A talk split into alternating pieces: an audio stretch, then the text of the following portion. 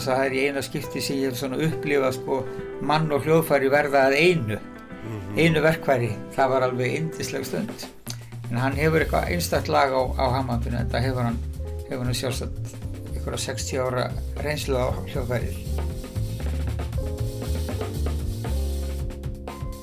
En það er bara til allt hitt gangi upp svo ég geti haldið áfram að skapa og gefa út og gert það sem mér finnst skemmtilegast í þessu er að búið tónlist að koma fram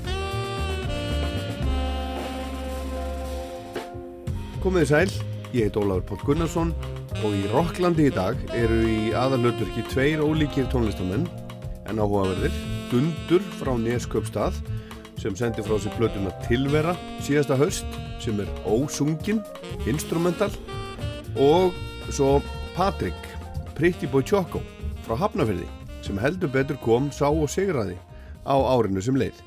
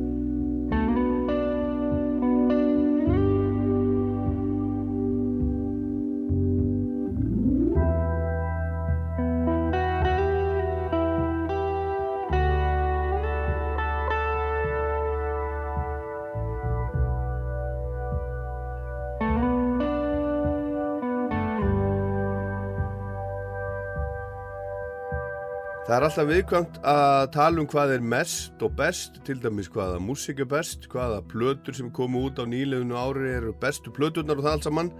Það sem einum þykir gott þykir öðrum kannski ekkert sérstakt og svo er allir sem að hafa ekkert heyrt og ef maður hefur ekki heyrt neitt þá veit maður ekki hvort manni finnst eitthvað gott. Einn af þeim plötur sem ég heitlaðist á á síðast ári og hef hlustað á meira en margar er plata sem hefur kannski farið fram hjá mörgum og kannski ekki líklega til að vekja mikla aðdegli svona á papírunum instrumental plata þar sem gítar og hammondorgel eru í forgrunni. Og listamæðurinn sem kalla sig Dundur en heitir Guðmundur rúmlega 60 norðferðingur Guðmundur Höskuldsson og hann er gestur Rocklands í dag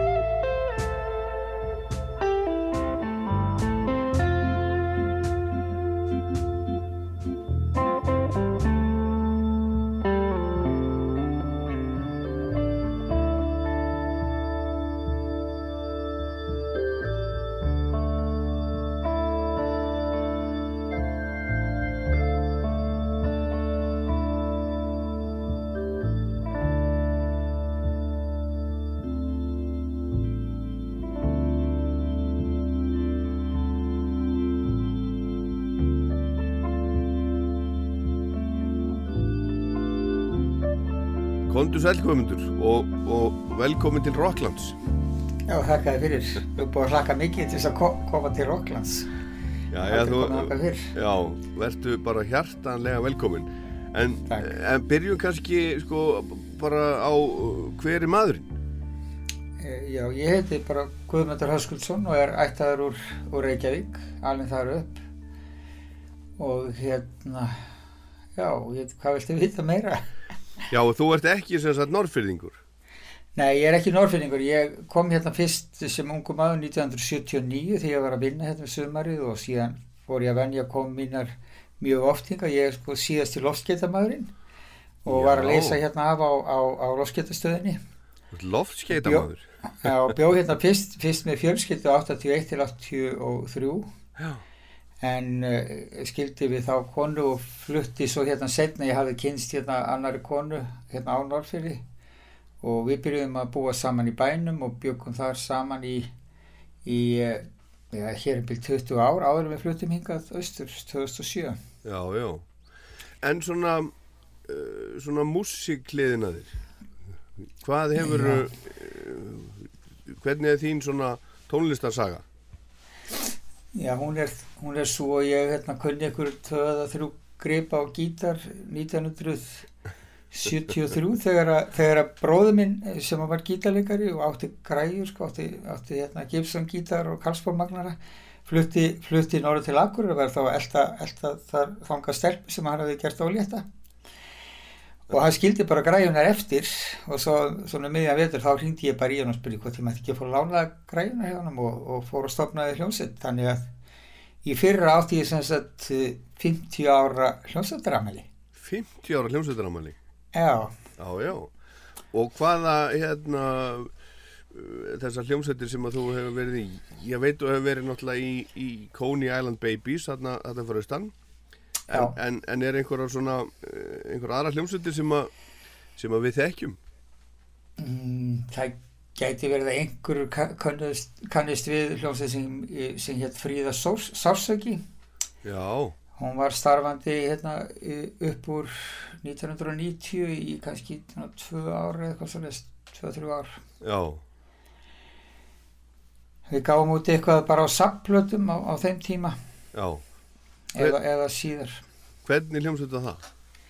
það var bara hljómsveit sem spilaði bara frumsamið efni og, og hérna e, og kannski mætti frægast að telja þar e, Friðrik Sturluson Já, já, bassarleikar á sálinni og Andri Örd Klausen söngveri sem að lést nú langt fyrir aldur fram já, já, já. já. svo voru fleiri, fleiri strákar þar En þú ert gítarleikari. já, Hvaða, hvaða gítarleikarar hafa verið þínar, þínar ær og kýr? þeir eru svo margir. Ég held að ég, veist, ég er náttúrulega ólst upp á þeim tíma þegar að, þegar að Led Zeppelin og Deep Purple voru, voru hérna. Mjög vinsæl og vinsæla hljónstil og þeir höfðu náttúrulega áhrif á mig og síðan hérna þegar ég heyrði fyrst plötuna Blow by Blow by, með, með Jeff Beck. Það var svona kannski hérna stæsta svona upplifun í, í hva, hvað hægt er að gera með gítar. Uh -huh. al, algjörlega stórkostlega plata.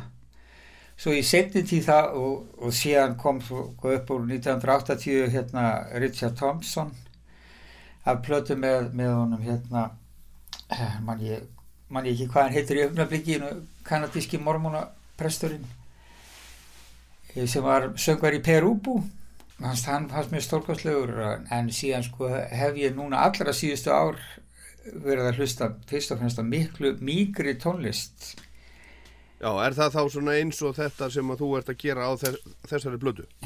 Já, ekkert, ekkert, ekkert ólíkt en kannski svona meiri, meiri sögur ég hérna dætti fyrir nokkrum árum síðan í, í, í mann sem heitir hérna Chip Taylor Mm -hmm. veit ekki hvort þú kannast þið hann Jú. en hann er búinn að vera að síðan sko 1960 Mm -hmm. og er ennþá að Mm -hmm. og hérna dætti hann og hans verk svona á síðasta áratug hafa heillað mig mjög og það er bara, þú veist, hann er hann er hvað, hann er verða 84 ára gamall og hérna og þú veist það sem að hann byrjar að gera sko svona upp úr 1960 þegar hann byrjar, uh, nei hérna upp, upp, upp úr 60 saldri sko þegar hann byrjar aftur að spila eftir að hafa verið hættur í ykkur tíu ár. Það finnst mér alveg stórkosli músík og stórkosli listamenn sem hafa verið að, verið að spila með hann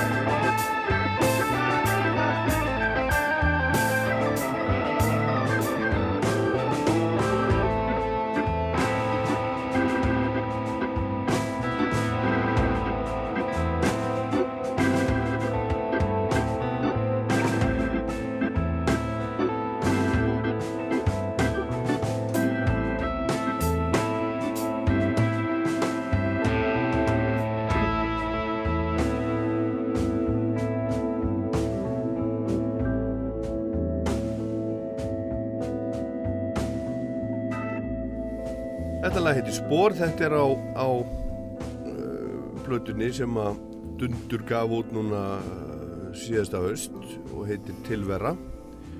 Þú hefur gefið út tvær plötur guðmundur með hljómsveitinni Coney Island Babies og það er svona, uh, er það kannski einhver svona, svona Chip Taylor áhrif það? Það er svona, það er svona einhvers konar amerikana? Já, það er ekki, ekki, ekki löst við það. Og það er svona, hvað þú segja, það er svona kannski hefðbundnara einhvers konar country pop eða alternative country músik heldur en þetta sko. Já, já, já mikil óskup, mikil óskup. En þessi plata, hérna, þessi döndurplata, hún átti að vera sungin plata, sko, en, en hérna, en svo bara þróaðist hún einhvern, veginn á, á leiðinni að, að verða bara instrumental þegar ég leiði félugum mínum að heyra þetta og þá fannst þeim ekkert vera neinn þörf á því að, að syngja þetta þetta væri bara, ég raun að vera bara tilbúið, sko. Já, já. Hún hef, og næsta plata verður kannski, kannski sungin, En. Ætlaði þú að syngja sjálfur eða, eða Nei, nei, alls ekki, ég, ég hef enga sangrönd, þú er enga söngur? nei, nei, Nei, búin að reyna ég- mikið?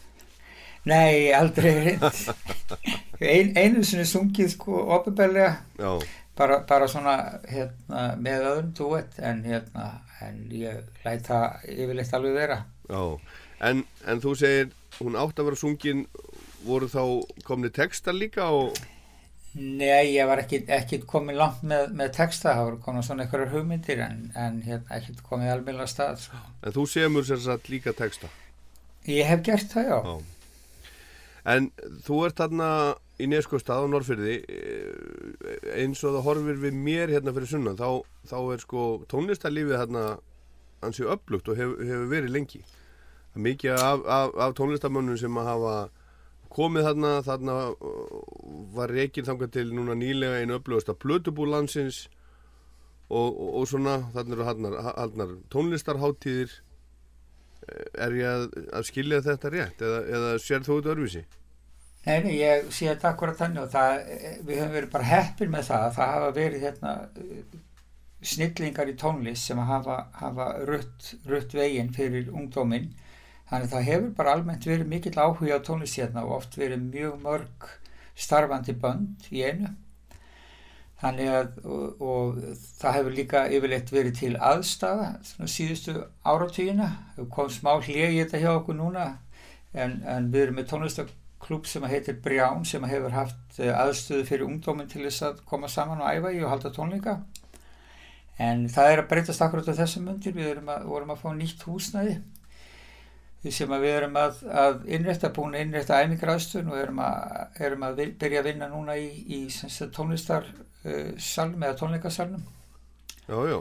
Þannig að það er þarf náttúrulega eitthvað svoleiðist til þess að hlúa að ungdónum þannig að hann hafi tækifæri til þess að koma fram og, og tækifæri til þess að æfa sig að komast í græjur og annað slíkt. En ef að það er gert þá, þá hérna, er ekkert sem, að, sem að heldur fólki, aftur af fólki í tónlistaskóla er, sko. er, er, er mikil tenging á milli sagt, ungra sem er að byrja og þeirra sem eru eldri. Já, ég myndi segja svona, það. svona þekking og kunnáta er svona flæ, flæða á milli kynsluða já, ég myndi segja það. Gerir það mikið sko. Og við erum náttúrulega líka sko, öflugir tónlistamenn hérna sem hafa verið að kenna tónlist. Mm -hmm. bara, bara miklu snillingar sko. En segðu mér aðeins frá þessu, þessu, þessu brján, það, það, það stendur fyrir blues, rock og, og jazz. Og, og jazzklubburinn á Nesi. Já. Hann er búin að vera starfandi öruglega, í 30 ár og sennilega lengur.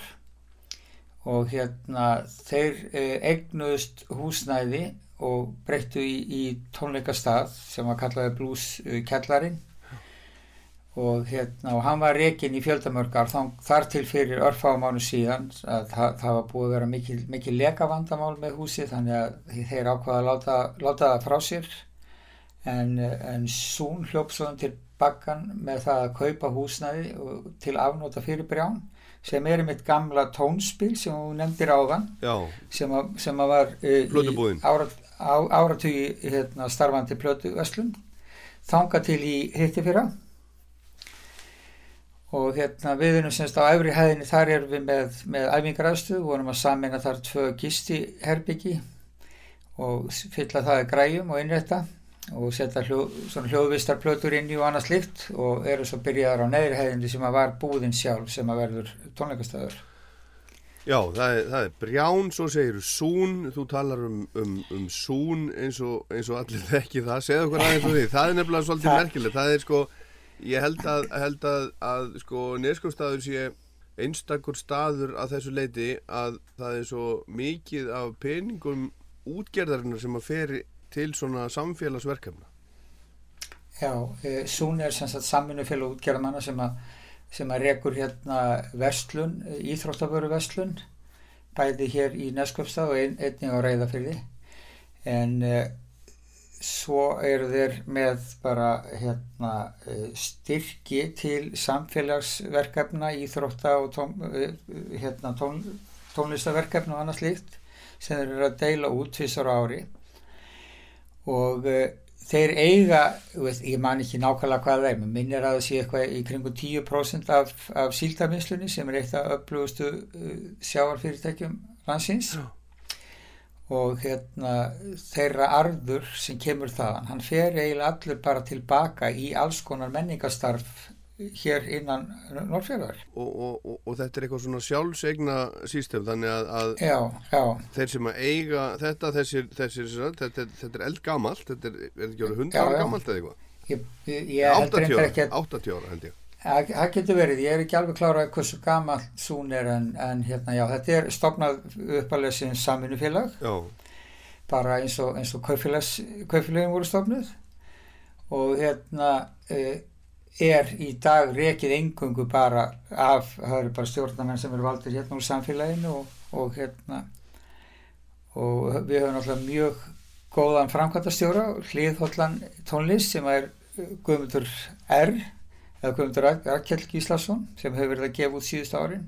Mhm, þannig að, þannig að það, það hefur verið tiltölulega auðvelt að, að fá aðstóð þaðan þegar að einhver uppbygging er í gangi Já. eða útgáfa. Þeir, þeir til dæmis styrkja styrstu mið með útgáfu á, á minniplötu já, og hafa verið að styrkja alla hérna sem hafa verið að gefa út já, sko. og, og þetta eru, er, er ekki rétt hjá mér, þetta eru 20 miljónu ári sem að þetta sún er að setja út í samfélagið og þeir eru bara að styrkja að það þarf að laga sundlaugina eða, eða, eða vantar uh, að laga fótboltavöllin eða einhver er Já, að halda tónlistarháttíð eða, Akkurat, það er akkurat, það er akkurat svo list og þetta eru mjög, mjög stórar uppæðir sem eru að eigða hérna í, í tónlistar, menningar og, og íþróttalíf á hverju ári.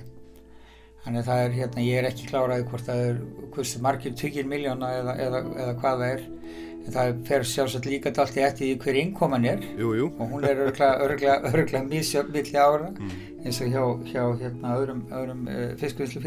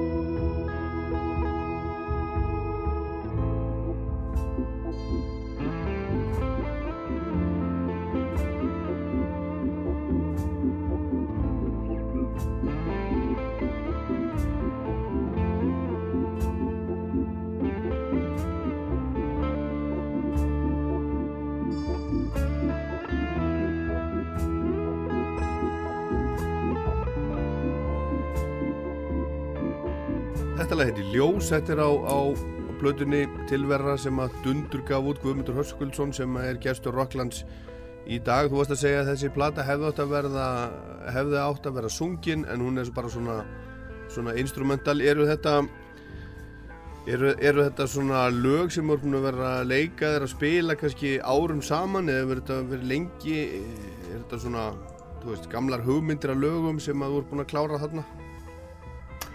Í bæði og, en það eru flest, flest lagana eru, eru bara ný, eða semst ég settist niður, var í, í vegetalefi e, 2020 og 2021 og mér leittist ákvæmlega mikið, þannig að þá ákvæði ég að setjast niður og, og nýta tækifærið og, og reyna að semja eitthvað. Og það gekk mjög vel að, að semja, þannig að ég samti mjög mikið af svona lagstúfum sapnaði þeim bara saman. Og uh, síðan þegar við þegar ég ákvaði að, gera þessa plötu fa fara stað að þá valdi, völdu saman svona bara lög sem að mér fannst vera í svipaðri stemmingu.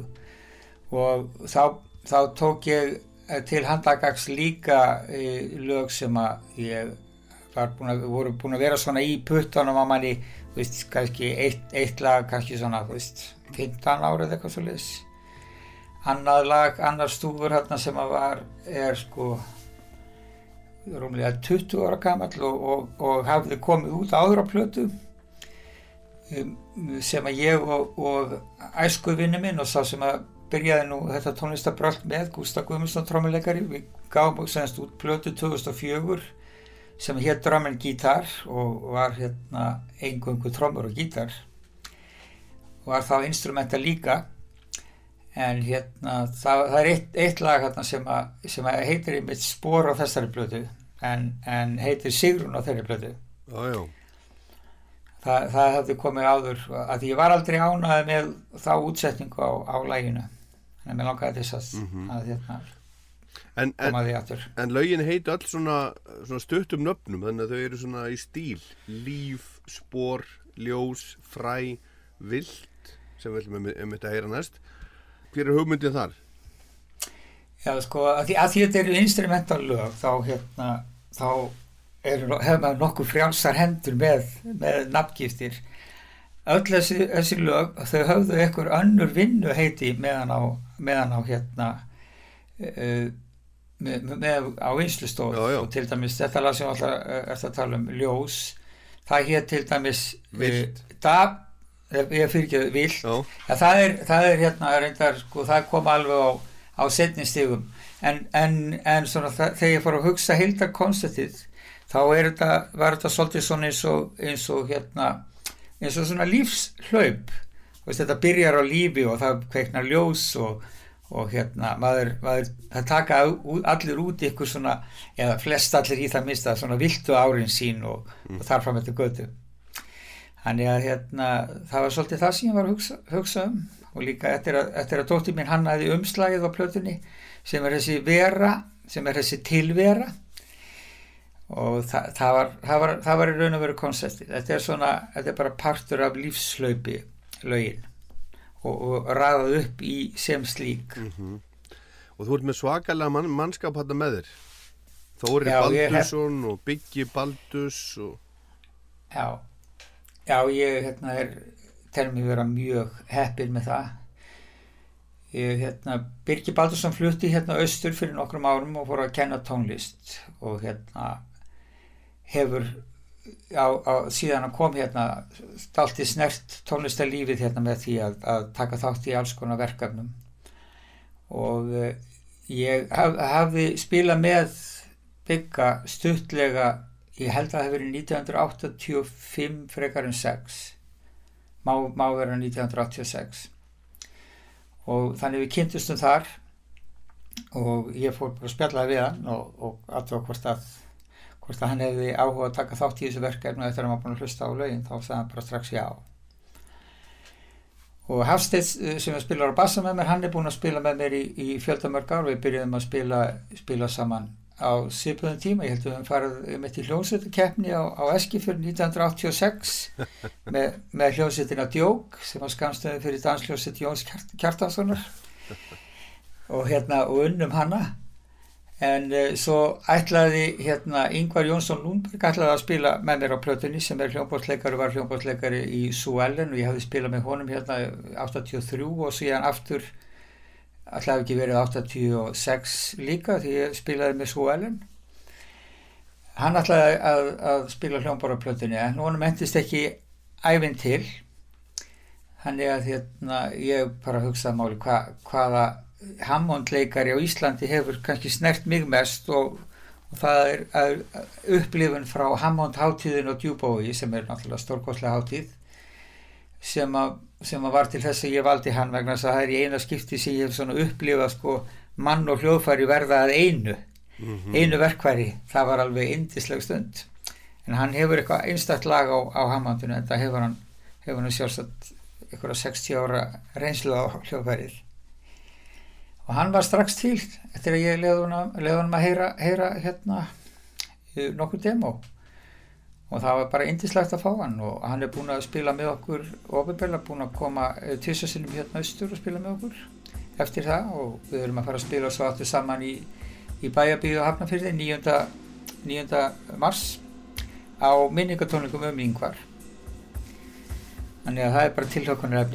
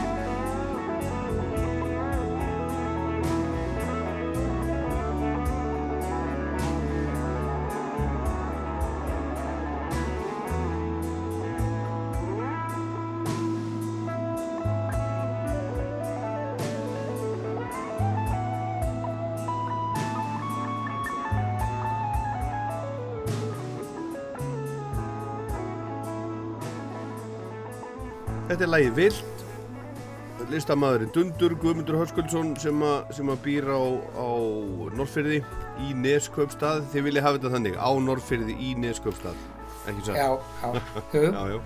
Herðu, svo er, svo er hérna uh, skagamæðurinn Orri Harðarsson hann, hann mixar plötunni eða ekki? Jú Af hverju, uh, af hverju férstu hann í það en ekki einhvern annan bara? Ég, það var nú byrjað það að, að hérna fyrir vinskap Birgis og Orra. Þeir hafa verið að bralla mikið saman í gegnum árin. Og hérna Birgir kemur alltaf mikið að, að endalugum útsetningum á plötunum það var hann í raun og veru sem heldur þessu öllu svona nið, niðri fyrir okkur. Og hérna uh, hjálpaði mér og skrifaði út allt sem að hérna uh, sem sagt fyrir, fyrir Þóri þegar hann kom uh, því við vorum, vorum tókuð stuttan tíma í stúdíu vorum í raun og veru bara eina helgi í stúdíu og þeirra minnskapur var til þess að, að hérna, hann hafði samband við hann og, og við leiðum honum að heyra þetta og honum fannst þetta að vera svona eitthvað sem að hann hefði líklega skaman að því að koma nálagt og mér fannst hann hafa gert þetta alveg mistarlega vel kallinn sko. Já, já, þetta, þetta hljómar, hljómar, hljómar mjög vel en þú ert er líka, er líka að smíða hljóðfærið ekki? Jú, ég er hérna að svo heppin að, að árið 2014 þá var ég þeirra aðstöð að ég gæti tekið mér frí í vinnu og fór til bandaríkina í, í hálft ár og fór að læriði uh, gítarsmíði Já. og hérna smíðaði þá nokkuð hljóðfæri úti og er búin að smíða nokkuð hljóðfæri eftir, eftir ég kom heim og er að taka að mér viðgerðir á, á svona strengja hljóðfærum og hefur mjög gaman að því Já. gítarin hefur alltaf verið bara svona þú veist maður hefur verið alveg forfallin áhuga maður um, um hljóðfærið og mér langaði bara til þess að vita meir um það og, Uh -huh. og hérna mögulega skapa mér eitthvað svona, eitthvað svona hliðaverkefni í, í lífinu Já, en þú, þú, þú lifir sér þetta ekki á því Nei, ég gerir það ekki ég gæti, gæti haft meira út úr því ef ég, ef ég hefði áhuga sko en, en ég er svona fyrst og fremst bara verið að sinna uh, hérna, hljóðfærum hérna á sæðinu Já, og það er, þetta, það er bara svona hefur verið alveg bara mátulega mikið að gera í því sko. En, en á hverju lifir þú? í, í dag er ég að, að hérna, uh, kenna tónlist á, á fáskursfyrði en hefur verið var að vinna hérna í, í, í en, en 16 ár var ég í, í álverinu Já, já, í, í á reyðafyrði og þar á undan var, þá seldi ég málingu í um 20 ár já, eftir ég hætt, hætti sem lofskildamöður 1985 já, já, þú ert svona, þú negaði mörg líf. já, já, já, já. Er það, er það hérna, mæliru með því? Ég mæli með því og, og, og þetta eins og ég var að segja frá áðan að ég tók mig frí í vinnu og fór uh, í nám og fór að læra eitthvað sem ég, mig langaði að læra. Þa, það var eiginlega svona algjör endur nýjun og ég mæli við alla sem að eiga möguleika því að, að klippa sig aðeins út úr þeim daglegu aðstöðum sem þeir eru í og, og hérna fara og læra eitthvað, eitthvað annað. Það bara opnar algjörlega fyrir allar, allar leiðir í heilunum þannig að maður verður miklu frjóri og og öflugri. Þannig að þú veist það er ég var miklu betri í vinnunni minni eftir ég kom tilbaka heldur en ég var áður en ég fór. Fannst mér, ég bara, maður verður bara miklu meira svona kreatífur. Eftir, eftir, að, eftir að koma staðins út úr þessu daglega daglega hérna daglegu skildum og, og geta farað að hugsa um eitthvað annað, já. vera skapandi. Ætlið þið að spila eitthvað meira? Þið verðið þarna, seg, segir í bæjabíói á minningatónleikum um hann Yngvar í mass já, Já. Ætlið þið að spila, spila eitthvað meira þessi hópur? já, ég vona það hérna e, ég er búin að sækja um að komast á, á nokkra tónlistarháttíðir og hérna sjáum til hvernig það gengur við erum náttúrulega svona, hann er alltaf klófin hópunum þegar Þórir er fyrir sunnan og við erum hérna fyrir austan Mm og hérna en já, ég vona það svo sannlega að við fáum tækifæri til þess að, að flytja þetta nokkru sinnum. Við heldum tónleika hérna í, að, núna í haust í nóvember heldum út, útgáfu tónleika. Og hérna þegar platan kom út og vorum búin að spila spiluðum síðasta sumar á, á hérna að minningatónleikum uh, um Yngvar Jónsson hérna sem var haldin hérna fyrir austan. Og já, ég vona svo sannarlega að það verði. Já. Herðu Guðmundur, loka lagið það heitir Fugl. Já, og það minnir kannski svolítið á Albatross Peter Green, Fleetwood Mac. Er, er það þessum sem heitir Fugl? Ertu svona að vísa aðeins í, í það? Nei, ég var að, bara, ég var búin að gera mig grein fyrir því, þú veist, það er hending í læginu sem, a, sem að er mjög lík hendingu í Albatross. En það var ekki þess vegna sem, sem hétt fugl sko var ekki, ég var ekki akkur það kannski var ég að hugsa um það en ekki, ekki, ekki, ekki viljandi en þetta er, þetta er raun og veru eitt af mínum uppáðslögum á plötunum þetta er svo minimalist þetta er bara, það er bara einn gítar í þessu, þetta er bara gítarinn sem var tekin upp bara í stúdíónu þegar við vorum að spila það og það er einhvern veginn, þetta situr allt svo fallega. Já, en það er einmitt sko, öll platan er í rauninni, hún er svona minimalísk og hún er eitthvað svona orðið sem að ég fæ upp í hugan er eitthvað svona, hún er eitthvað svo passleg það er allt mjög passlegt. Já, já, já við, getum þakkað þakka Birgit alltaf mikið fyrir það. Hann, hérna, hann er mjög passlegur. hann, hann er mjög fallegur tónlistamæður mm -hmm. það vantar ekki, það vantar ekki. Og þeir reyndar allir sko. Já, þannig að allir eiga stórleikarna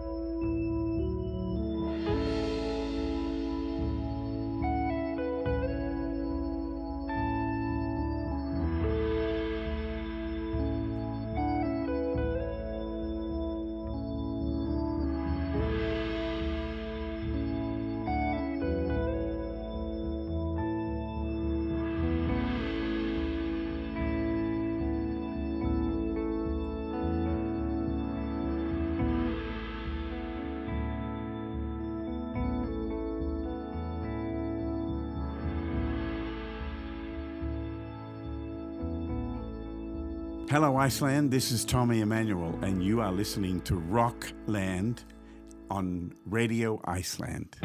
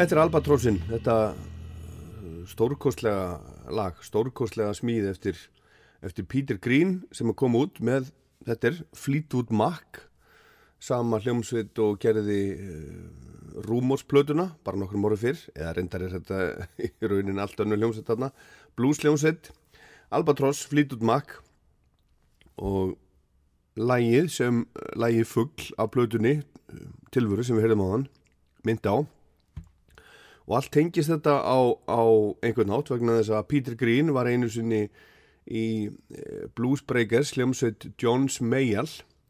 Og John Mayall hann kom til Íslands 1989 og held tvenna tónleika minni mig á Hotel Borg og Hotel Íslandi. Og þar var gestur á tónleikunum Kornungur Guðmundur Pétursson. Og hann þótti minna bara á, á Mick Taylor sem var gítarleikari eh, Rolling Stones auðvitað á svona tíma. Og eh, ég veit nú ekki hvernig það var hvort að þeir voru eitthvað í, í sambandi hérna eftir þetta en það var, það var talað um það. En það er engin smá raun af gítarleikunum sem að hefur spilað með John Mayall í gegnum tíðina uh, Peter Green Jimmy Page sem að stopnaði svo Led Zeppelin Eric Clapton, hann var, hann var í, í Blues Breakers með John Mayall á sínum tíma og þannig mætti lengi telja og hann er ennþá að spila og ennþá að gefa út blötur orðin nýræður, fættu 1933 en okkur er ég nú að tala um þetta? Jú vegna þess að ég ætla að spila næst lag með Guðmundi, Gumma P. Hann var að senda frá sér lag sem að er, eftir því sem ég bestu veit Gamal Blues. Og ég þekkir hennilega ekki söguna á baku þetta, akkur hann er að gefa þetta út núna en mér finnst þetta bara alveg þræl gott og það vita það allir sem að hafa hafa heirt í gumma, hann er náttúrulega einn af okkar albestu gítarleikurum að hefur verið en hann er líka svo frábær söngvari. Mér finnst hann frábær söngvari, hlustum á þetta. Og svo er það Patrick Pretty Boy Choco hérna á eftir.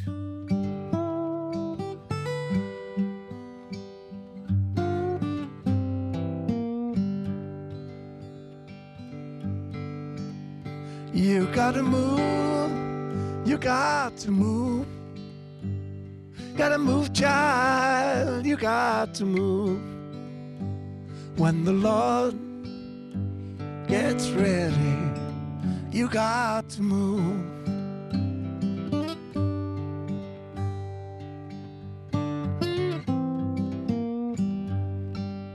You may be high, you may be low. You may be rich, child, you may be poor. When the Lord gets ready, you got to move.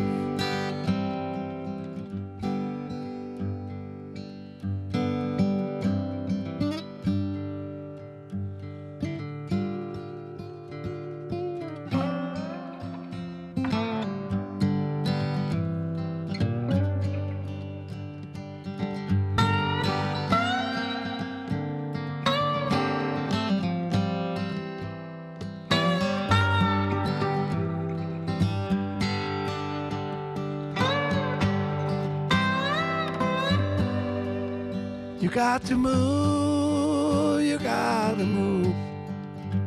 You gotta move, child, you got to move. When the Lord gets ready, you got to move.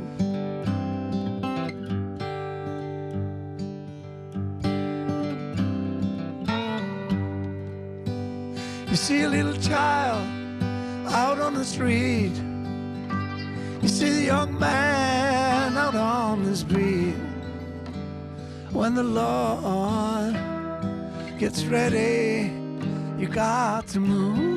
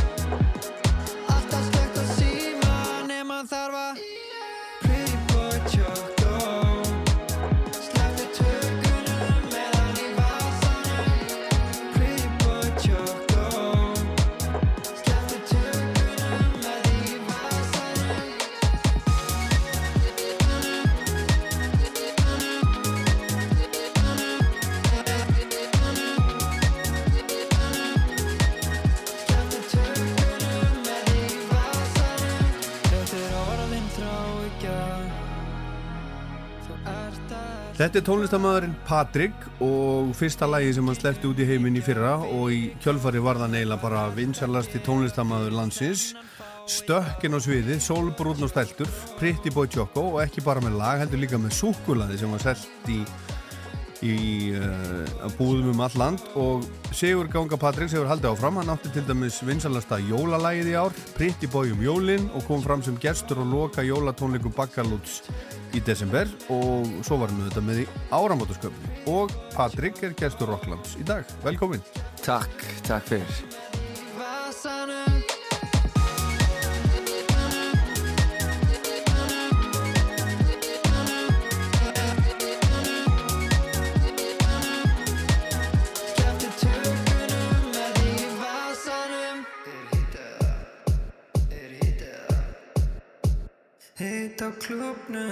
Mm-hmm.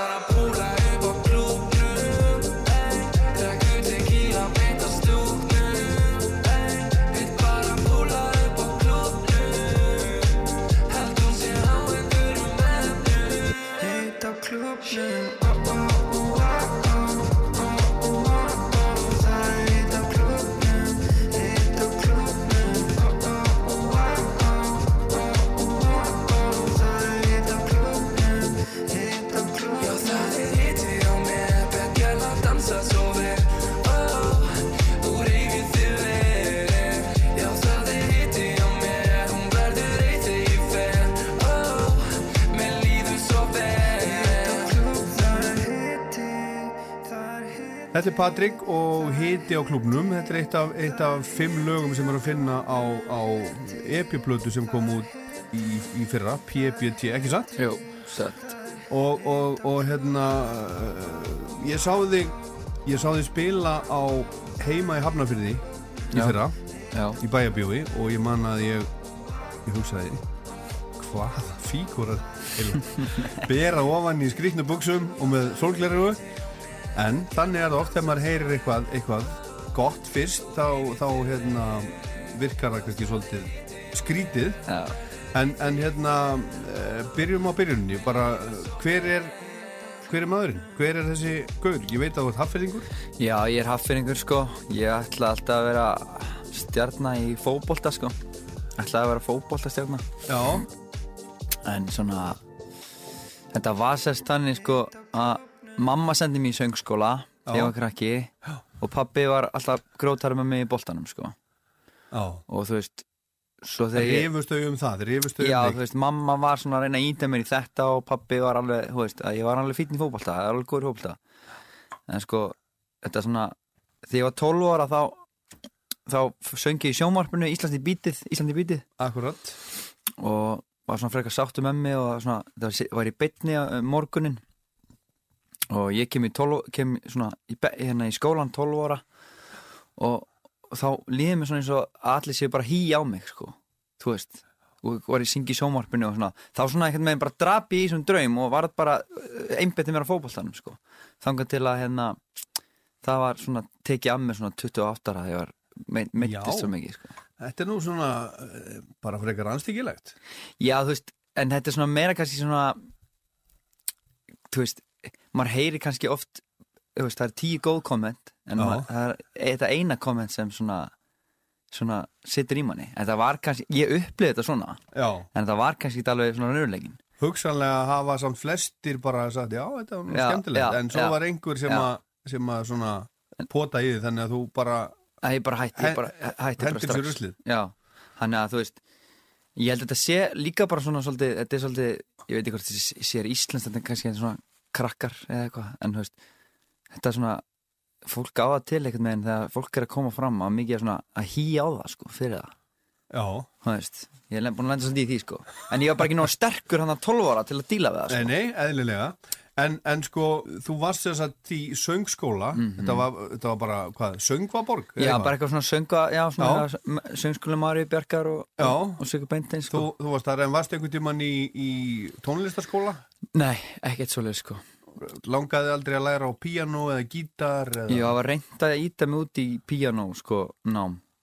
en gekk ekki? Nei, nefndi ekki, en svo svona eldri árum þegar, ég, veist, eins og ég var í fótbolta, ég var mikið meittur og, og hérna, sleitt crossband hann eitthvað og þá gaf, opnaði svona auka tími þá, þá hérna, let pappi mig eh, læra á gítar, þegar ég var alltaf búin að vera eitthvað, veist, þá lærði ég á gítar eitthvað svona um tvítuð, sko. Og hvað varstu að spila þá? þá, þá bara, skilur, ég vildi bara kunna þessi, þessi helstu vinnukonu grip, ég man held ég að fyrsta fyrsta hérna lagi sem ég lærði á gítar var Týnda kynnslóðin Bjartmar? Já. Þú þyrfti nú að covera það. Þetta cover það sko? Það myndi slá í. Mamma bygglar alltaf munnin. Þetta var svona, þetta var frekar auðvelt að læra þetta sko. Gott lag, er góðu texti. Já, og klassískur. Þannig að þú veist, það var svona en það, veist, ég var svona master aldrei eitthvað gítar en það var svona kannski bara svona þú veist, eitthvað svona til að ég veist, ég byrjaði að semja mín svona fyrstu lög á, á gítarinn sko. Já, Bjartmar sem á þetta lag. Mhm. Hann aldrei hann, hann spilar aldrei neitt eftir neitt annan. Hann segir, ég kann ekkert laga eftir annan. Nei, þannig að sko uh, það má segja margt gott um að Bjartmar en uh, hann er aldrei sko álitinn frábær gítarleikari sem slíkur. nei. En svo er það líka þannig að það eru oft sko þeir sem að kannski kunna minnst á hljófari sem að gera, gera bestu lögin. Já, ég, Þannig að ég, ég held að, held að sko, það er, er rosa mikið til á góðum gítarleikurum, Mhm. þeir sem ég kannski ekkert bestu lögin, Nei. en þannig að það er kannski svona meira atriði fyrir þann sem ætlar að vera eins og þú, að, að, Mhm. að geta sami lag á gítarinn verið ekkert ógíslega góður. nei, það, það er góða punktur sko Ég held að, ég veist ég gæti ekki, veist, þú varst eitthvað að pressa mig að mæta hann með gítarinn ég, og þá að taka einmitt eitthvað cover og ég bara treysti mér ekki í það en ég, ég hefði svona geta tekið kannski mitt eigi lag sko Já. á gítarinn sko Já, en ég menna, eh, þú veist, eh, sem, sem, semur þetta sjálfur? Ertu að semja þetta á gítar eða, eða eru þetta... Nei, ég er ekki að semja þetta á gítar sko Þessi, en ég, ég, ég, ég byrja ég byrjaði svona þannig eitthvað svona kannski maður eitthvað, þú veist, maður alltaf eitthvað að skýta á sig hérna, í, í konumálunum í gamla dag og maður þurfti svona að reyna að náða með einn tilbaka og maður í eitthvað lag kannski það? Já, en þú veist, nei, en núna er það bara þá fer ég inn í stúdióið og hérna og er kannski með eitthvað melodíu tilbúna eitthvað svona mér veist sem svona er, þú veist, hugsa, þú veist, ég reyna alltaf að byrja að gera góðan húk eitthvað sem er svona þetta er, þú veist, grípandi og eitthvað, eitthvað slangur eða eitthvað og, og einhverja línu einhverja línu, eitthvað svona, Já. þú veist Pretty Boy Choco eða hita á klúbni, eitthvað svona sem fólk kannski svona, veist, þetta er svona grípandi svona slangur og það kem ég í stúdíu og reyna að einhvern veginn að útfæra þessan, þennan húk uh og svo byggi ég lægi kringum það, sko Það eru alls konar aðferðir uh, við að semja. Geirmundur Valtísson, hann saði einhvern tímann í viðtæli að hann byrjaði alltaf á taktinum og svo kæmi hitt og á. Já, Svo er Björk, hún fer út í göngutúr og semur einhverja Já. línur, skilur, Já. sem, sem, sem hún tekur upp á síma sinn. já Þannig að það er allur gangur á, Já, á þessu. og allur gangur á þessu Svo stundum bara bulla ég eitthvað ef ég er í bara eitthvað þannig gýr, heyri eitthvað takt og, og, og kemur bara fyrst sem þetta eftir í hug sko, og það bara verður til lag sko. Já. En þú ætlaði sem sagt að verða atvinnumar í fótbolta Já, og svo gekk það ekki alveg nógu vel en, Mhm. en ég minna, uh, þú varst alveg að spila með FH og já, ég spilaði með Viking og FA og, og ég f- var svolítið á flakki Ég, svona, ég hefði sannlega átt að vera hérna, einstaklis íþróttamæður sko. ég, og- ég, ég og þjálfarinn við áttum aldrei eitthvað með Mér varst þjálfarinn alltaf hálfviti er það? Já. Ertu svoleiðis? Ég er svo leið sko, Ha, hann vissi þú, aldrei þú, neitt Þú veist alltaf best Ég veit alltaf best Svona best sem við sér Já, já, veist En svo var náttúrulega ég kannski ekki, þú veist Allt og, allt og eða svona Það er svona ekkert kannski allt og auðvöld að stjórna mér, sko Nei. Nei, ég Hann- skil þig. Já, hann að ég svona, þá var kannski svona uh, lent, það var það byrjaði kannski rosa vel og svo endaði þetta allt einhvern veginn Já, ykkur vilsi og þá fór ég að skipta um lið og... áttu erfitt með að, að fylgja reglum? Já, ha. já, En í svona skólanum þegar þú varst yngri og svona? Já. Alltaf uh, skólastjórunum? Já, ég, Óþekkur? Já, smá, sko. Dólgur í þér?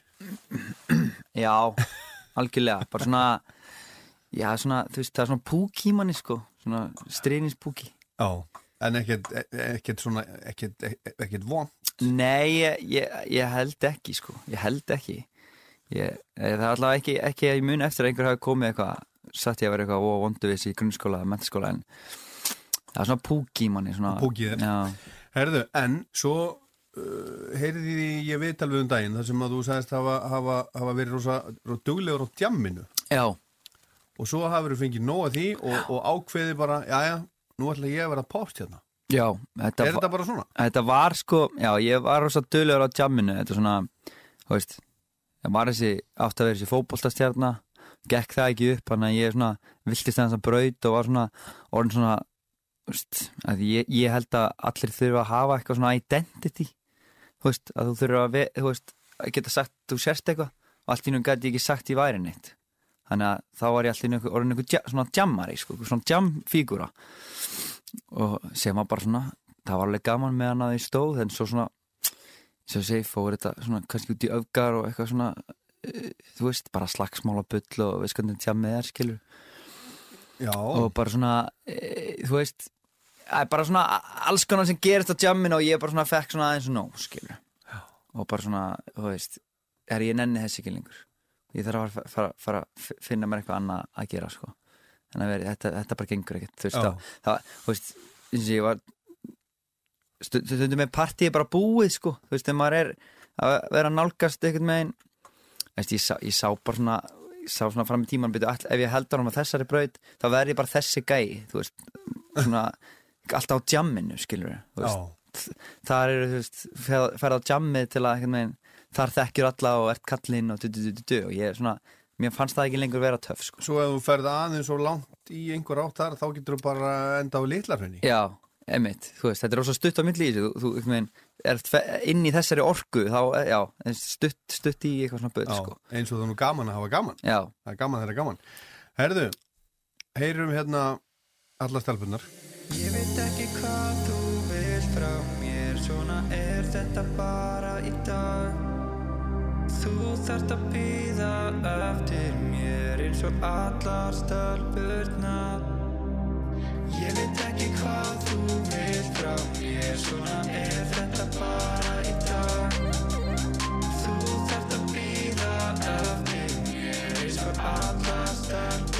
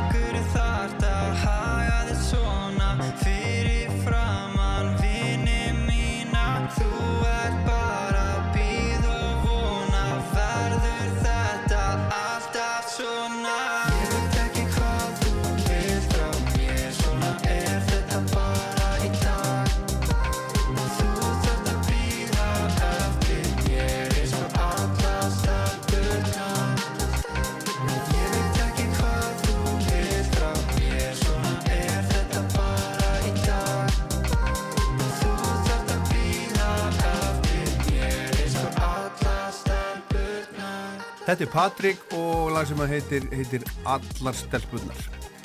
Bubbi Mortens, hann gerði lag með, með botleðu einsunni sem er frá Hafnarfyrði, eins og þú. Hann gerði þetta fyrir mörgum orði, mann ekki hann langt síðan. Þar söng hann og, og, og gargaði umbúðir, ekkert nema umbúðir og ekkert, ekkert innihald. Já, Sumir hafa talað eh, um, um þig á þeim nótum. hvað, hvað segir nú það? Ég segi, ég, ég sagði við Bubba hann, hann og kannski að Ringd hann í þig?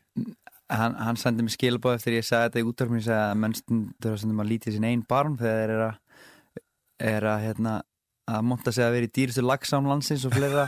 Já, það var ekki ég búin að og þá kom hann og sagði að hvað er ég að pæli í öðrum? Du, du, du, og svona. Hann að við erum búin að sættast þar og svo núna nýjasta var Erpur eitthvað að kalla mig Ladyboy Homo og, og hvað annað hvað annað sagði ég væri bara eitthvað KFC eitthvað Sað, Saði Erpur, Erpur. Skammastuðin Erpur. hann að en þú veist, eins og segi ég er ekki að taka mikið mark á einhverjum. Nei, en, en samt, bitinu, sko. uh, sko, uh, snertir þetta þig ekkert þegar einhver er, er, er með svona, þetta, það er, nú, ei- það er, Sko- við eigum öll að saminlega, það er ekki gaman þegar það er til að tala Nei. illa um hann, sko. Nei, þú veist, það bara veginn ég vissi alltaf vel að þetta myndi koma því ég kemur alltaf að peningum og þú veist, það er, ég veit ekki, það er eitthvað svolítið svona eitthvað tabú að koma frá peningum, sko og, en það er ekki eins og afi minn hafi verið upp í stúdíu og hann að semja sér lög fyrir mig, sko, eða, Nei, nei. eða whatever, sko. Nei, en auðvitað, Helgi, hel, Helgi Góu Helgi Góð er afi minn, já. Ef, að- ef að einhver veit það ekki. Já, en þú veist, ég bara reyna að nýta mér, þú veist, ég er svo óþólumöður og ég vil að hluta ekki strax og ég vildi bara einhvern veginn nýta mér allan, all, allan þann plattform sem ég hafði að reyna að setja nafni mitt að nút, skilur og, en jú, au- au- auðvitað er þetta leðilegt, sko, en, en, en bara svona er þetta, þú veist, Já, ég ætla bara að reyna að vona að ég verði ekki svona sjálfur eftir, eftir fleiri ára þegar ykkur, ykkur nýr kemur á markaðin og, en ég, ég, ég, ég, ég veit það ekki, ég skil ekki, mér finnst bara svo skrítið að- fólk skuli berskjalda sig svona. Að láta svona út úr sér á, þess að fatta að fólk bara fólk mun, þú veist ég, ég, ég, ég og fleiri sjá bara gegnum þetta bara svona, já, þú veist líð þér eitthvað illa, okkur þú svo mikið að pæli honum, þú veist. að- ef þú ert með eitthvað skoðin, ekki vera einhvern veginn berskjalda eða svona að láta þetta út í kosmosin, hafa þetta bara fyrir sjálfa og hugsa þetta, að því, veist þú lítur bara út eins og fíbl, sko. Já, ok. En hérna, sko uh, þeir sem að þú hefur verið að vinna með mm. hafa þeir haft sambandi þig eða, eða þú við þá, þú veist, Sko- vilja allir vinna með þér sem að þú hefur samband við? Já, þú veist ætla þessi prodúsarar ekki kannski aðri tónlistamenn. Er það ekki? Nei, en þú veist, það er náttúrulega bara allir gangur á því, skilur, menn eru bara í sínu og yfirleitt og þú veist, það kannski bara hendar ekki, sko. En annars eh, reyni ég að, þú veist, ég er að vinna með fimm prodúsunum að því ég vil alltaf reyna að finna eitthvað nýtt og nýtt sound, sko. Það Já. er alltaf með eitthvað svona fjölbreytni. Og veist, eins og ég byrjaði með hana húnum Andra Karel. Og hérna þá kunni ég ekki neitt, sko. Þú veist, þá sagði veist, þannig gammal bekkjabróður minn, veist, og og bara, veist, hef búin að vera í voða litlu sambandi við hann, skilur, og ég allt í henni bara segi við hann, herri, ég ætla að vera popsérna, er þú ekki eitthvað að gera tónlist? hann var að gera tónlist, skilur, kannski fyrir tíu árum síðan eða eitthvað, sko. Já, og svo fórum við bara upp í stúd þú veist, hann setti upp eitthvað svona smá stúdíu á geimslinn sinni og við fórum eitthvað og hann fór svona að kenna mér hans tökin, skilur, að vera í takt og vera svona, skilur, meðan ég bara gerði bara eitthvað, sko. Já það, var, það var hérna gugguvaktin Gugguvaktin, já, og búin að gleyma þér eitthvað eitt lagina Já. líka. Og hérna og hérna, já, þú veist og svo, þú veist, Andri er náttúrulega hann er tveikja bara faðir og ég gætt bara svona hitt hann einu í viku. Já, og það var ekki nóg, ég þurfti að fá meira hann að þá fann ég Ingimar sko, þú veist, hafði ég samband við hann. Að, jú, reynda fyrst þegar að segja, þá hafði ég samband við þessar stæðstu prodúsera og þeir ég veit ekki hvort þeir hafa ekki vilja að vinna með mér en kannski eitthvað svona, þeir voru ekkert eitthvað æstir í það, skilur nei. En það er líka sko að þegar fólk hefur kannski mikið að gera og það kemur einhver nýr sem maður hefur aldrei heyrt, heyrt, í eða um Já. þá kannski setja menn það kannski svona neð, neð, neðst í og, bókan og ég skil það alveg en ég er bara mjög fegin í dag að ég hafi fundið að því þú veist til, þú þart, ef þú ætlar að koma nýr inn þá þarf að koma eitthvað nýtt og fest sound ekki þú veist held, ég trú ég að þess vegna hafi gengið þetta svona vel að því ég er að koma ekki að fara til pródusuna sem eru búin að pródu, vera pródusar í öll þessi ár. Þannig að þú þarf að koma með nýtt sound líka sko.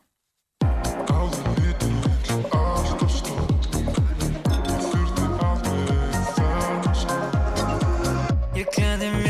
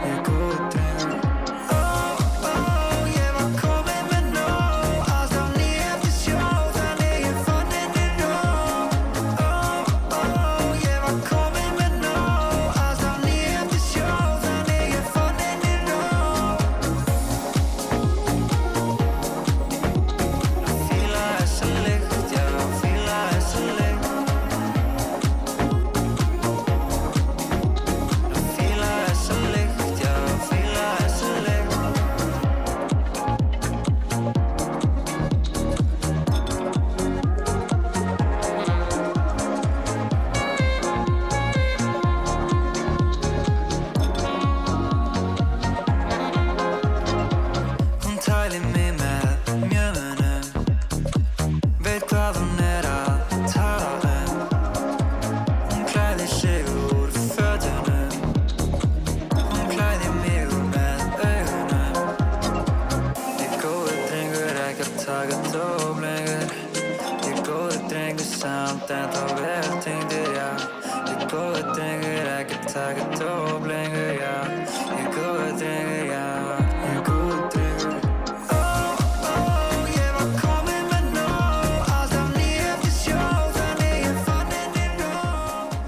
Hér við að hlusta lag sem að, sem að þú gerði Patrik með, með Bómars mm. Fílis að lykt Hvernig uh, kynntust þið?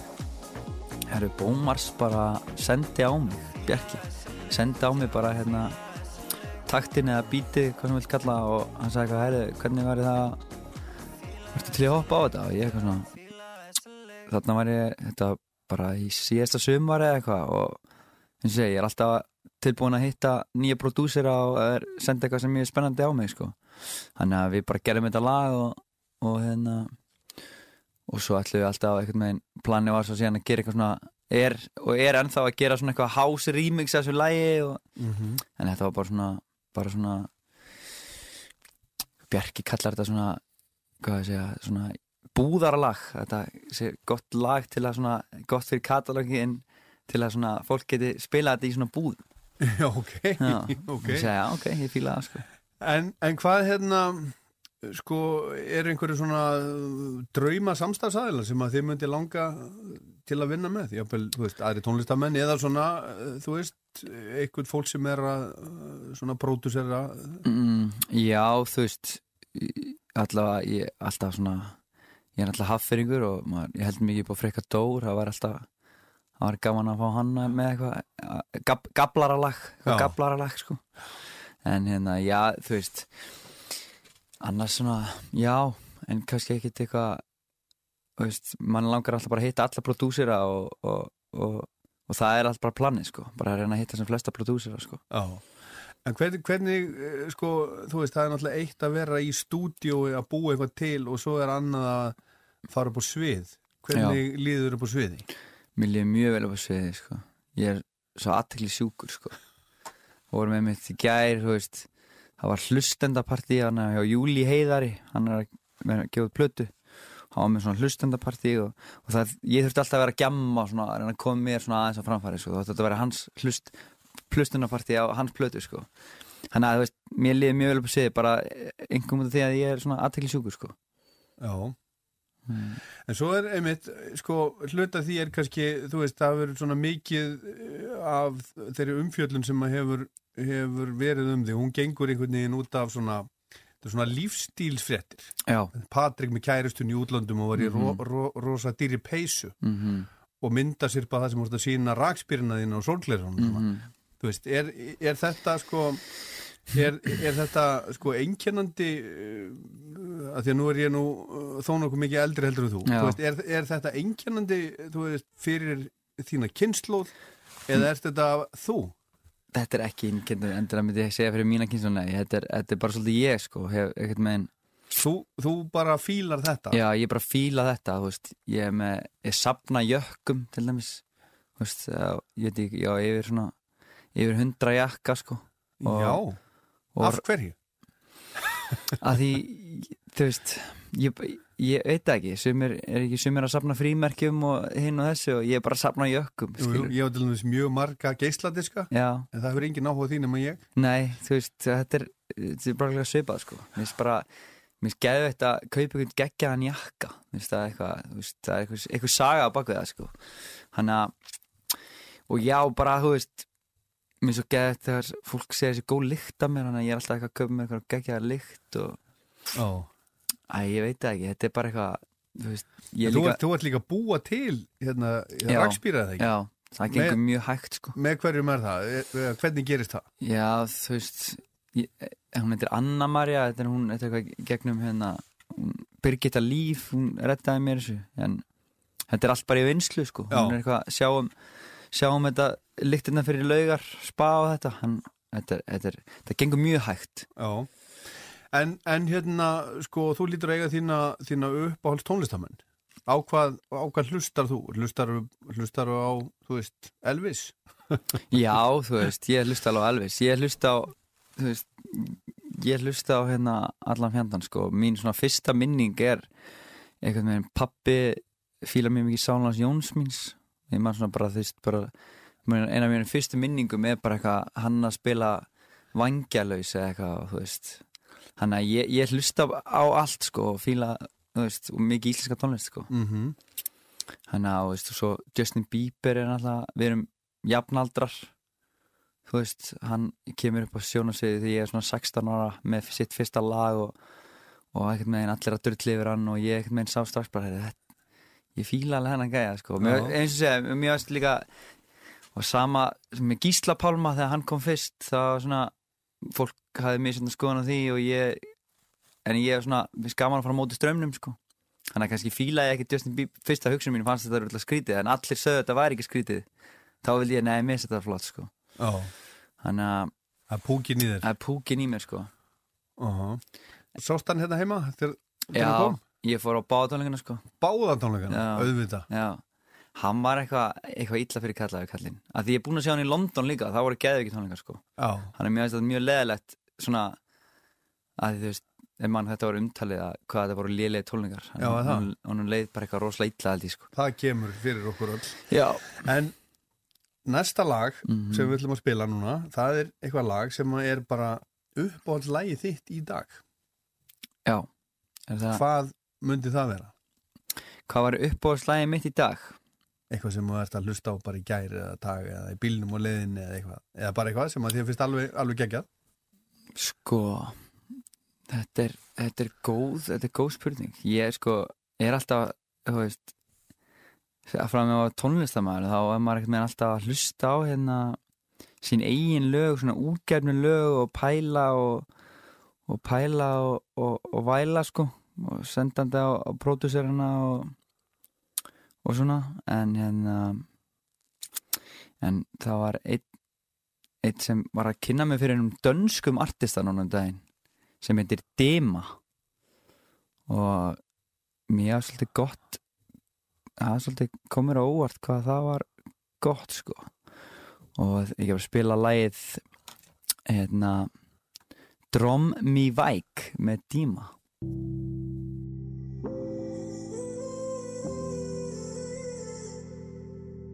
Hører du djævlen lister efter, slukker tørsten i din tår? Den her dunja ikke forelsker, ingen har lovet os i morgen. Giver en fuck for konsekvenser, pop en pille og løb fra loven. Mamma ringer, sms og søn, du kender risikoen. Men vi døjer med noget smerte, traume tanker gør mig panisk. Han fik bønder gennem hjertet, vi satte en brønd op til de fattige. Ingen af os kan dø naturligt al her de falder cinematisk. De plastrer tanker på at blive udvist. Jeg dulmer smerter på en kærlig Prøv at drømme mig væk.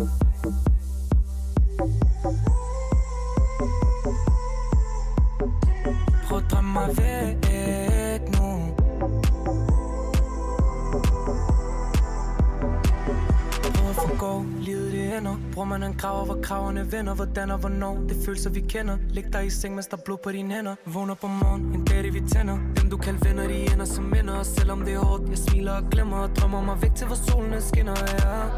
Overtænking, de der hvem har sendt dem. Det er forventning, død eller i fængsel.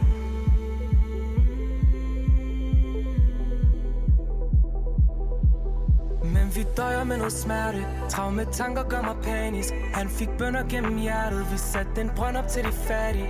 Ingen af os kan dø naturligt Al her de. Falder cinematisk. De plastrer tanker på at blive udvist. Jeg dulmer smerter på en kærlig. Prøv at drømme mig væk.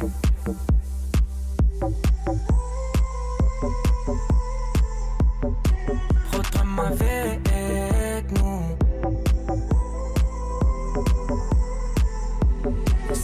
Det er blevet mørkt lagt Jeg hører døden hver gang den kalder på mig. Uh, uh. Hvad der sker kan vi ikke gøre For men jeg håber ikke jeg falder med mig Prøv at mig væk Þetta er eh, eitt af því sem að þú ert að, ert að hlusta á núna. Danst pop, díma, drömm, mig vekk. Mm. Þetta, já, drimm, du mig í burtu, það ekki? Þetta, þetta er frekar heldur en að, heldur en að tromma. Ég ekki, ekki Við, sko. Þú er ekki staðið vel í dönsku? Nei, Ekki heldur, ekkert ekkert sérstaklega En þetta er, þetta er skemmtilegt. Ég pæli, ég pæli eh, það er svona komið að því sko. Ég pæli voða lítið í textum á lögum yfir höfuð.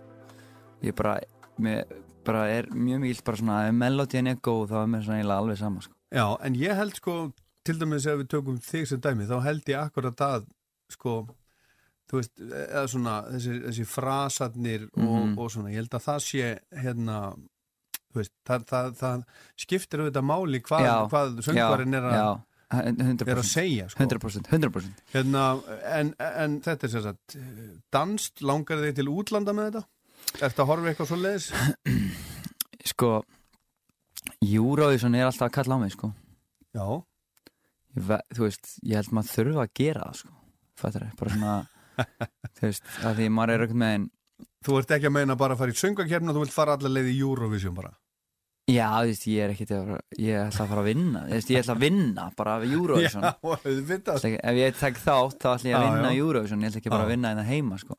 Þannig að ég er svona, það er alltaf eitthvað sem kallar á mig og svo svona einmitt að kollaborata við kannski einhverja einhverja, einhverja útlenska artista eða eitthvað svona einhverja, þú veist Nóri er mjög heitt í dag og þú veist en annars er þetta bara svolítið eitt dagur í einu hjá mér sko, ég nenni ekki að vera að fara, missa hausin minn eitthvað í tíjar fram í tíman sko. En er samt ekki, ekki gott að hafa á plan? Þú ert með þarna Eurovision plan. Þið langar í veist, Ég er Eurovision. með svona einhvern, þú veist ég er að vinna í plötu núna og þú veist, droppa henni og ég er með eitthvað svona þú veist, svona nokkuð þeir svona vision, sko, en, en, en ég er rosa mikið góðið flow gæi og það var bara eins og, eins og þetta var með Pretty Boy Choco, þú veist gaf það lag út og svo var bara það svo heitt að við bara þurftum einhvern veginn bara mánuðu síðar að skila á okkur, bara EP, bara Já, klára það, skilur mhm. þannig að þú veist, maður veit aldrei hvað hva, hva gerist í þessu. En jú, Eurovision er svona mér finnst ég svona skulda sjálfur það sko. En þú, en þú ert með sko, þú ert með ákveðin plan, þú ert hérna, þú ert edru til dæmis eða ekki, ég er ettrú, Hæ, hættur að drekka, já, einbyttað til að þessu, já að vera pópstjarna, en, en, en sko, sko sumir, sumir eru í þessu, hvað við kalla það, showbusiness, Já. eh, tónlist, vegna þess að þeir eru með svo mikla sköpunarþörf, svo er Mhm. bara allt hitt sem að fylgja með. mm Hvort skiptir þið meira máli að vera listamaður, að búa til tónlist eða að vera popstjarna? sko ég held þetta bara þú veist þú veist þetta þarf að make sense skilur veist, þetta er veist, það er ekki nóg að bara vera eins og segir góður tónlistamæður þetta þú þarft að fylla í svolítið fleiri önnur bóks eða þú ætlar ég að haldast í í leiknum skilur þannig þú veist það var líka svo mikið áhersla sem við lögum á með þetta Pretty Boy Choco lag til að byrja með að þú veist þetta væri svo mikið markasetning að því þú veist hversu oft þú eru kannski við að, að fá fyrir tónlistamenn sem er getið fyrsta lag og hann tala svolítið bara inn í sig og það er ekkert eitthvað mikið í gangi. Veist, fólk þarf að hafa eitthvað grípandi og þú veist, eins og varst að tala um þess að fréttir á hann veist, ég reyna að fýta miðlana á það að halda upp þessari ímynd du, du, du, en það er bara til að allt hitt gangi upp svo ég geti haldið áfram að skapa og gefa út og gert það sem mér finnst skemmtilegast í þessu er að búið til tónlist að koma fram. En hitt þarf alltaf líka að koma með skilur þannig að þú veist þetta er ekkert spurningum þetta er eiginlega spurningum það bara að, þetta, þetta er svo mar, mar, mörg hjól sem þurfa að snúast til að, að, þetta gangi upp sko. En svo er náttúrulega elsta uh, dæmi í bransan með þetta sko. Ég held að flestir sem að hafa tekið upp gítar til dæmis í gegnum tíðina mm. hafa gert það til þess að gangi augun og stelpunum. Já, það er alveg er, þannig að þetta er kannski bara svona eitthvað svo leiðis Já, það, þú veist, það er, það er það er alltaf partur af þessu. Það er alltaf partur af þessu. Byrjar svo leiðis mm.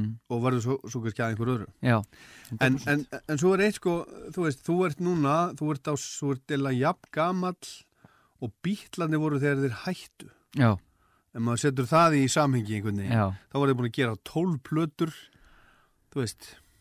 Ég, ég er bara svo, ég er svo óþróskaður sko. Já. það er, það er, heitir það ekki að útlensku vera late bloomer? Jú eða það sko. Já, Ég var bara eins og ég, ég var busy í öðru á meðan. Þetta þurfti Já. bara að vera á hold sko. Já, Þú veist, en er ekki, er ekki alltaf, þú veist, þetta er aldrei á seint er ekki alltaf að vera að tala um það algjörlega. Ég menna og það er menn hafa slegið í gegn og konur og þetta og fólk bara, þú veist, 60 og 70 og Mhm. allavega. Hana Mhm. þannig ég er nú ekki að setja því neitt, neitt svona samhengi en það er, en það er svona gaman að pæli í svona samhengi hlutunum. Já, en, en hvað sko hvað segir svo, svo kærastæðinu mitt alls saman?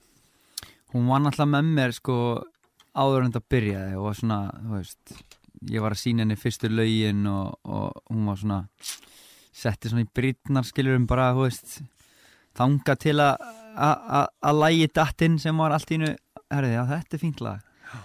Þannig að þú veist, hún hefur bara stutt í gegnum þetta allt en, en svona, henni fannst alveg smá erfið að vennist þessu fyrst, en, en, en annars er hún bara mjög slök alltaf bara heima og horfa sjónvarpið meðan ég er ekki já. úti að- en er hún alveg svona, svona meðir í þessu þannig lagað? Já, já, já, hún er alveg, hún stiði mig bara í einu öllu sko. Já. En annars bara, finnst henni bara best að vera heima og gera ekki neitt sko. En hvernig, hvernig sérðu framtíðina fyrir þér í þessu? Sko, að því að þú varst að segja á hann að þú var ekki, ekki með neitt eh, ekkert langt plan væri bara svona svona taka þetta dag fyrir dag. Þar, mað, þar maður ekki plan ef maður ætlar að, maður ætlar að halda áfram? Planið er náttúrulega bara, þú veist Það er alltaf, ég segi að þú þarft að vera til að halda það relevant, það er sem mikil hraði í þessu dag. Þú þarft alltaf að vera konstant upp í stúdíó. Þú veist, dótið sem ég er að gera gefa út núna er margt að ég er áskamalt bara því þú veist, ég þarf alltaf konstant að vera upp í stúdíó skilur til þess að, að að vera að gefa út efni og halda sér, halda sér við efni að því þú veist, þú ert með þessa TikTok kynslu í dag sem getur ekki hort á bíómynd að því það er bara attention spamið er bara svo lítið. Þannig að þú veist ég, ég trúi því að þú þurfir bara að vera konstant að gefa út efni. Og það er bara planið að vera konstant að gefa út efni halda sér relevant, halda tónleika fara í Eurovision. Þú veist svo bara eins og segi, vera alltaf að búið til efni en svo kannski eitthvað tíman þá bara hætta eða ekki sko. Já, en sérðu fyrir þér myndið þér langa til að vera með, þú veist, hljómsveit, lif, lifandi band? Já, ég meina ég, mér er skemmtilegt að spila þú veist, ég eins og þetta svona stóru giggi mín, þá tek ég með með trommara og, og, og Já, það, er þannig. Já, mér finnst algjör orka að vera með trommara sérstaklega með mér upp á sviði bara það gefur mér og mér finnst krátinu bara svona meira energy að því, að því, þú veist, ég vill hafa ég vill að fólk einhvern veginn sé að upplifa það að ég sé að koma fram og að það sé einhvern veginn að sleppa sér. Og mér finnst það einhvern veginn svona kórona þegar, þegar trommarinn er er með. Og, og en þá spila ég alltaf playbacki bara undir og hérna að því ég vill að fólk ég vill að fólk fái að heyra líka í þú veist, ég er mikið búin að pæla í þessu skilur þegar ég sé að, að að menn er að spila með playback og ekki rödd, röddun undir þá finnst mér það oft svona veist, mér finnst það skila sér oft meira í sal að hafa rattina með að fólk geti sungið með og tekið með að því ég vil hafa upplifun ekki að sína það já, herru, ég get sungið og ég þarf, get haldið lægi, lalala ég vil miklu meira að gera þetta fyrir krátið, að það fái að upplifa bara, þú veist hvenar það á að syngja með og hvenar rattinnar eru að koma með og bara að þetta sé, veist, að það sé alltaf blasti þannig að, þú veist þannig að það, það, það er það, ég spila live finnst mér ógslag gaman og ég vil að, að, að fólk bara fái þessum bestu upplifuna og þannig, þannig, já það er svona það sem ég er að segja, að segja sko. Mhm. og hérna og hérna og það er mér þess að myndist á hann um daginn nei áðan, sorry, að, að ég var að spila jólatólingum Bakalúts Aha. og, og það var eitthvað sem kom bara til, bara korter eitthvað, eða þú veist, bara rétt árum tólingarnir voru og loka tólingarnir og við sendum hérna playbackið sem er sérst bara masterinn nema bara lækkaða rattir Aha. og og það er náttúrulega bara risa band að spila og við heldum, heldum bara að þeir alltaf bara spila masterinn eins og ég, ég ger það, skilur ég kemur bara svið, það er engin master engin, ekkert playback í gangi, þeir eru bara að spila live Já. og ég veit ekkert hvað er í gangi Ok. mjög óvanu því, sko Já, en hvernig, hvernig gekk samt? Já, ég svona því, ég er náttúrulega tók eftir þessu en veist, ég vissi náttúrulega ekkert hvað ég var í læginu og, og þannig eins og, eins og kráti vissi ekki nákvæmlega hvar, hvar ætti að syngja og svona Já, já. en það bara rettaðist, skilur Já, já. en, en, En þetta var allavega valið á Baggalúti, jólalag Já. ásins 2023 já, og, og, og var, það ekki bara uh, gaman að vera jú, þarna? geðvett ég var einmitt eitthvað að hinta það að að það var enginn að bjóða mér á jólatónleika svo kom Já, kallið á stæðstu tónleikina sko. ekkert smá En hvenar kemur næsta lag? Herðu, við erum að gefa út lag ég og tónlistamarinn Daniel núna lag uh, þá kom ég byrju mars Já, og eh, ég er endara, þú veist ég er komið tvö feature núna í þessum mánu hjá öðrum tónlistamennum já, Háski og Júli Heiðar þannig að maður er alltaf að vera bara jálað að gera Já, það, þú verður að minna á því, fólk er rosa hljótt að gleyma sko. Já, er það, en, en, en verður ekki, ekki þú mikið? Þú veist, er engin hætt á því að verði bara Jú. of, of mikið að að, 100% sko að því að sko ef að, ef að, ég veit ekki, ég menna ef það er eitthvað lag í spilinu og einhver útastöð svo kemur annar lag strax það sem, mm. er gestur þá kannski kannski þarf annað að víkja eða eitthvað, ég veit ekki Já, það er alveg, alveg, alveg, alveg pæling sko. þetta, er svona, þetta, er, þetta er svona þunn lína hvernig maður, maður þarf að balansa þessu eitthvað en ég, hvernig þetta hlutin er í dag þá held ég að þú þurfir bara konstantlega að vera að minna á þig en ekki um mikið sko. Já, þetta er allt saman, lífið er ein þunn lína og, og hérna að því ég var á, á heiðustónleikum Egils Ólafssonar í Mhm. hörpundaginn og þá var Ólafur Egil, sonur hans, hann var kynnir og hann sagði að pappans, Egil hafi Mhm. sagt lífið það er og að móka skurð með teskeið. Já, þetta er bara svona. En takk fyrir komuna, takk fyrir að fá mig að enda hérna á, á skína. Já, og bara gangi þér allt í heim takk fyrir það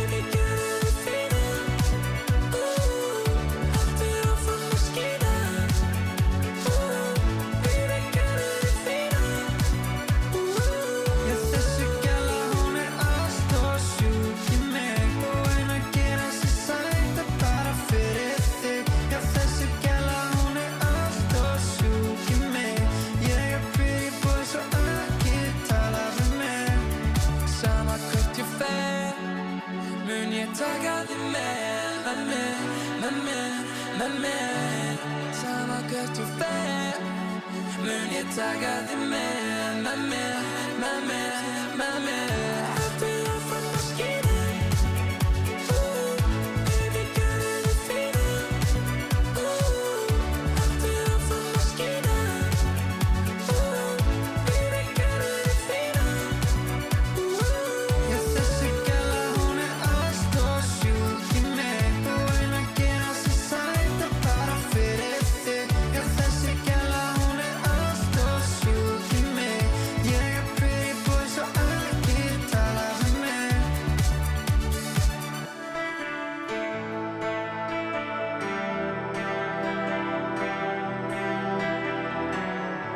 Hello, this is Chris, the singer of Coldplay, and uh, you're listening to Raustver, and the program is Rockland.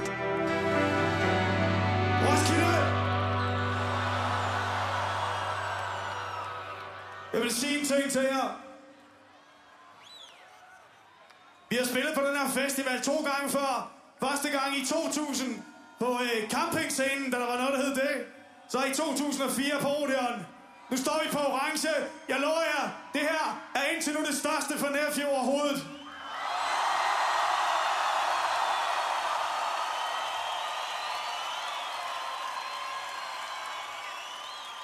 Vi har været ved at skide i bukserne over at gå herop, for øh, hvem fanden ved om, øh, om øh, sådan nogle øh, lede svin, som jeg kan lide, sådan nogle lede svin som os. Det er jo for eksempel ikke sikkert, at I kender en som den her.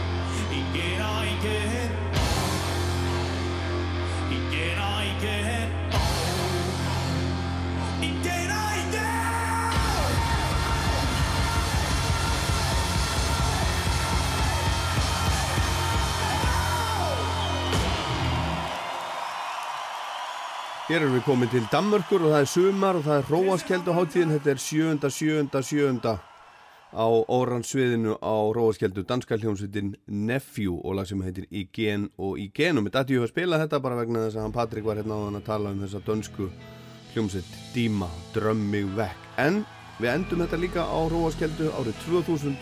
Hér er Lou Reed og Perfect Day. Ég er Dólar Páll, þetta var Rockland. Takk fyrir að hlusta. Drink sangria in the park. Later, when it gets dark, we go home.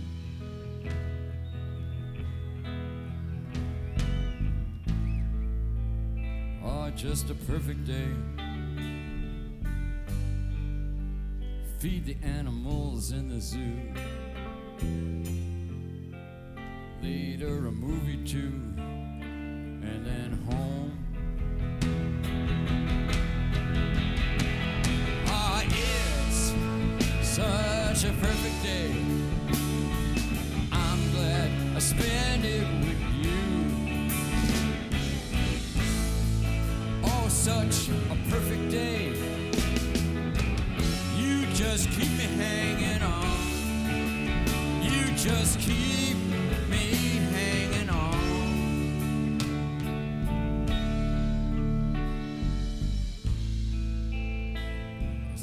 Such a perfect day. Problems all left alone. Weekenders on our own. It's such fun.